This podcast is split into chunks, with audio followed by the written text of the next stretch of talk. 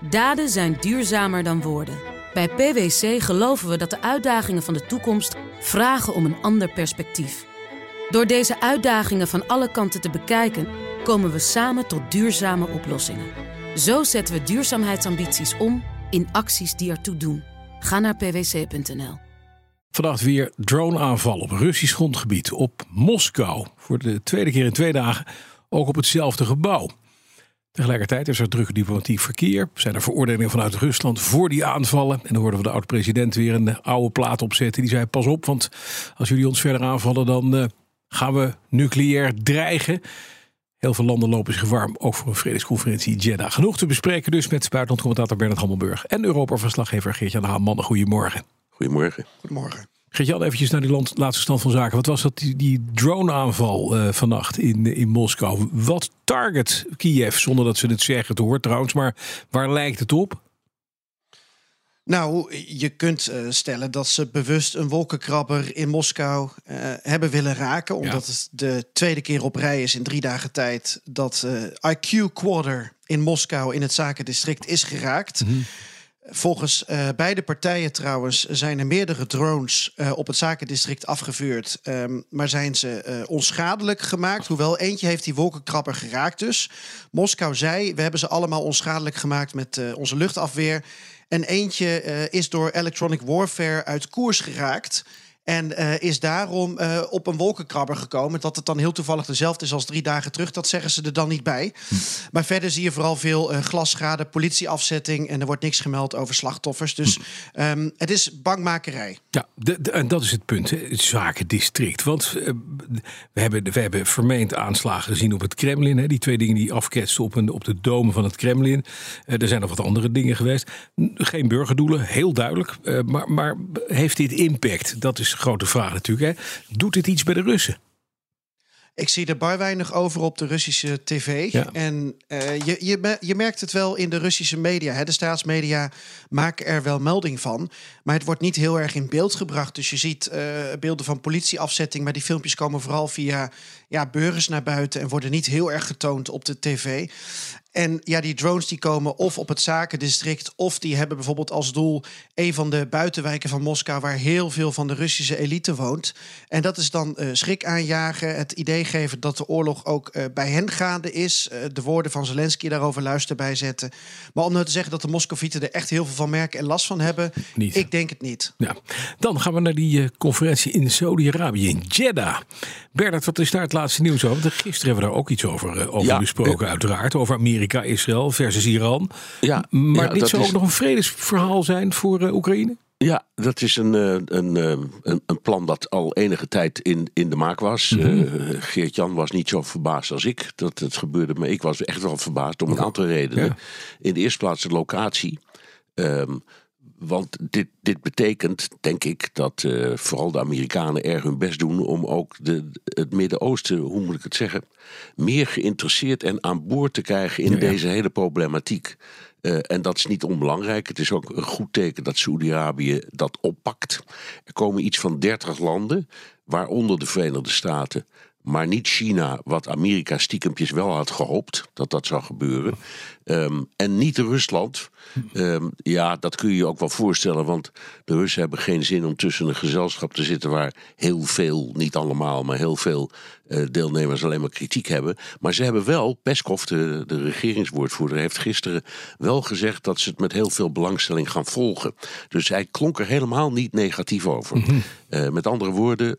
Um, ja, de boodschap uit Moskou was ook eigenlijk, um, dat vind ik ook weer belangrijk, iedereen die wil praten over vrede en met iets constructiefs komt, ja, daar willen we best naar luisteren. Ja. En, en het, het wat bredere beeld is dat het woord onderhandelen de laatste tijd vaker wordt gebruikt in allerlei contexten. Hm. Uh, en dat betekent, naar mijn idee, dat de discussie over um, de duurzaamheid van de steun aan Oekraïne. Hoe lang kan je dat doen en met hoeveel geld en middelen? Ja, dat die toch een klein beetje aan slijtage begint. Uh, uh, slachtoffers, slijtage, slijtage wordt. En op dat moment. Daar hebben we vaker over gehad, Bas. Op het moment dat dat gebeurt, hoor je vaker het woord onderhandelen. Ja. Uh, nou ja, is dat goed nieuws? Is het slecht nieuws? Mm um, Nou. Ik heb altijd de indruk dat uh, als ze op dit moment zouden gaan onderhandelen, hè, dus komt nu een, laten we zeggen, een wapenstilstand, zou als dat het gevolg zou zijn van wat er in Jeddah gebeurt, hè, dan kun je zeggen, dan heeft Rusland gewonnen. Want die zitten nog daar met dat bezette gebied. En uh, Oekraïne wil ze eruit hebben. Dat is dan niet gelukt op dat moment. Nee, precies. Dus het is allemaal wel heel spannend. Maar het, het begrip onderhandelen begint in de hele wereld, inclusief het Midden-Oosten, dus een rol te spelen. Ja, dit kwam voor jou, Jan, dus niet, uh, niet uit de lucht vallen. Uh, uh, waarom niet? Want er is natuurlijk wel, wel eerder wat gesproken. Maar zou dit inderdaad toch ook, een, ook, ook nog een doorbraak kunnen, kunnen betekenen? Wat Bernard net terecht zegt, denk ik dat op het moment dat je nu je gewonnen geeft, letterlijk, dan heb je de Russen nog steeds in je achtertuin. Ik denk niet dat het een, een doorbraak gaat geven, deze uh, vredesconferentie. Ook omdat het woord vredesconferentie misschien al te hoopvol is. Kijk, ten eerste, uh, inzet van beide partijen ligt mijlenver uit elkaar. Oekraïne wil al het grondgebied terug dat Rusland sinds 2014 heeft uh, geannexeerd. En Rusland heeft uh, vorig jaar in september heeft Poetin documenten ondertekend waarmee vier bezette regio's uh, uh, officieel geannexeerd zijn. En dus ook door Rusland moeten worden verdedigd. Ja, dan ga je die weer als het ware uit de grondwet halen. Um, de, de, de inzet is te ver weg van elkaar. En uh, ten tweede, waarom het wat me um, iets minder verbaast, uh, maar dat klinkt heel erg alsof ik een glazen bol heb en zo bedoel ik het niet. Maar dat heeft te maken met dat er eind juni ook een conferentie in Kopenhagen was. Uh, waar uh, op iets lager diplomatiek niveau, dus dan heb je het over ministers van Buitenlandse Zaken, uh, onderministers en nog lager, dat er al landen naar Kopenhagen zijn afgereisd, uit de EU, uit um, het Westen, maar ook Brazilië, India, Saoedi-Arabië, Zuid-Afrika, Turkije. En die zijn ook al met een concept voor een vredesplan nou ja, niet, niet per se gekomen, maar die hebben daarover gesproken. En dat is waar eigenlijk volgens mij nu in Jeddah op voortgeborduurd wordt. Alleen wat Bernard mm -hmm. zegt, de locatie is gewoon heel belangrijk, ja. omdat je duidelijk aangeeft, dit gaat de hele wereld aan. Maar ik denk, um, Bas en Bernard, dat we nog um, de komende maanden, misschien nog langer, over dit soort vredesconferenties blijven spreken, zonder dat mensen er te veel van moeten verwachten. En ja, bij het woord vredesconferentie heb je misschien gelijk al te veel goede hoop. Ja, precies. Nou, wat je al zei, Peskov die, die kijkt mee. Uh, uh, leuk, maar ik zei al in de inleiding... we worden meneer Medvedev, oud-president... En steun van, van Poetin, steun en toeverlaat... weer eens een, een oude plaatgrijs draaien. Van pas op, als je ons aanvalt... dan zien we dat toch als een aanval op Rusland... en de opgevoerde aanvallen door de Oekraïners kan leiden tot een uh, nucleaire tegenslag. Moeten we daar uh, nog rekening mee houden met die man of uh, hem maar lekker laten gaar koken in zijn eigen sop? Oeh. Ja, nou, als, als, ik er iets over mag zeggen, ik heb altijd geleerd in, in, in conflicttheorie dat je gekken serieus moet nemen. Precies. Dus als iemand zoiets zegt, hij roept het al vanaf dag één, mm -hmm. toen de oorlog begon zo'n beetje. Ja. Uh, maar hij zit er gewoon nog steeds. Uh, hij wordt niet gecorrigeerd van bovenaf. Dus er is een reden waarom ze het hem steeds laten zeggen. En ik neem dat serieus. Ja, en is dat ook iets wat we moeten plaatsen juist in die vredesconferentie in Jeddah?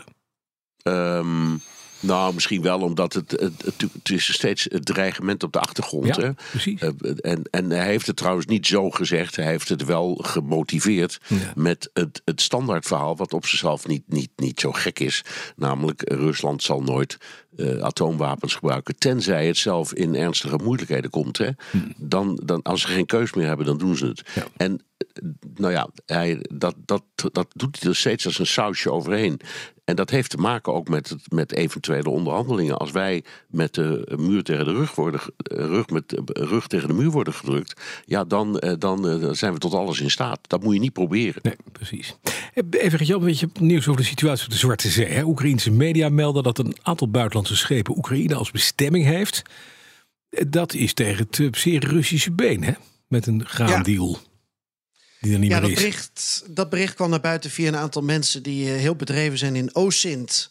Uh, en dus allerlei openbare bronnen gebruiken en uh, schepen kunnen tracken, vliegtuigen kunnen tracken en, en zien wat dan ook de eindbestemming is van zo'n schip. En dat is belangrijk, want Rusland gaf een paar weken geleden aan dat elk schip dat als bestemming Oekraïne zou hebben, voor hen um, ja, ontoelaatbaar zou zijn en dat ze het recht zouden hebben om dat te vernietigen. Nu, um, hebben dus blijkbaar een Israëlisch schip, een Grieks schip en een Turks-Georgisch schip, in ieder geval onder die uh, vlaggen werd gevaren, ehm, eh, zijn ze naar Oekraïne gegaan. En die hebben ook nog begeleiding gekregen, zo noem ik het maar even, van een P-8. Daar zit Bernard wat beter in. Dat is een militaire Boeing. Die, dat is geen kleine jongen. Uh, Amerikaans volgens mij. En die zou bij dat Israëlische schip hebben gezeten. En het bijzondere aan dit verhaal, Bas, is dat uh, deze schepen hebben open bloot gecommuniceerd over Oekraïne als eindbestemming. Hebben daar dus niet schimmig over gedaan.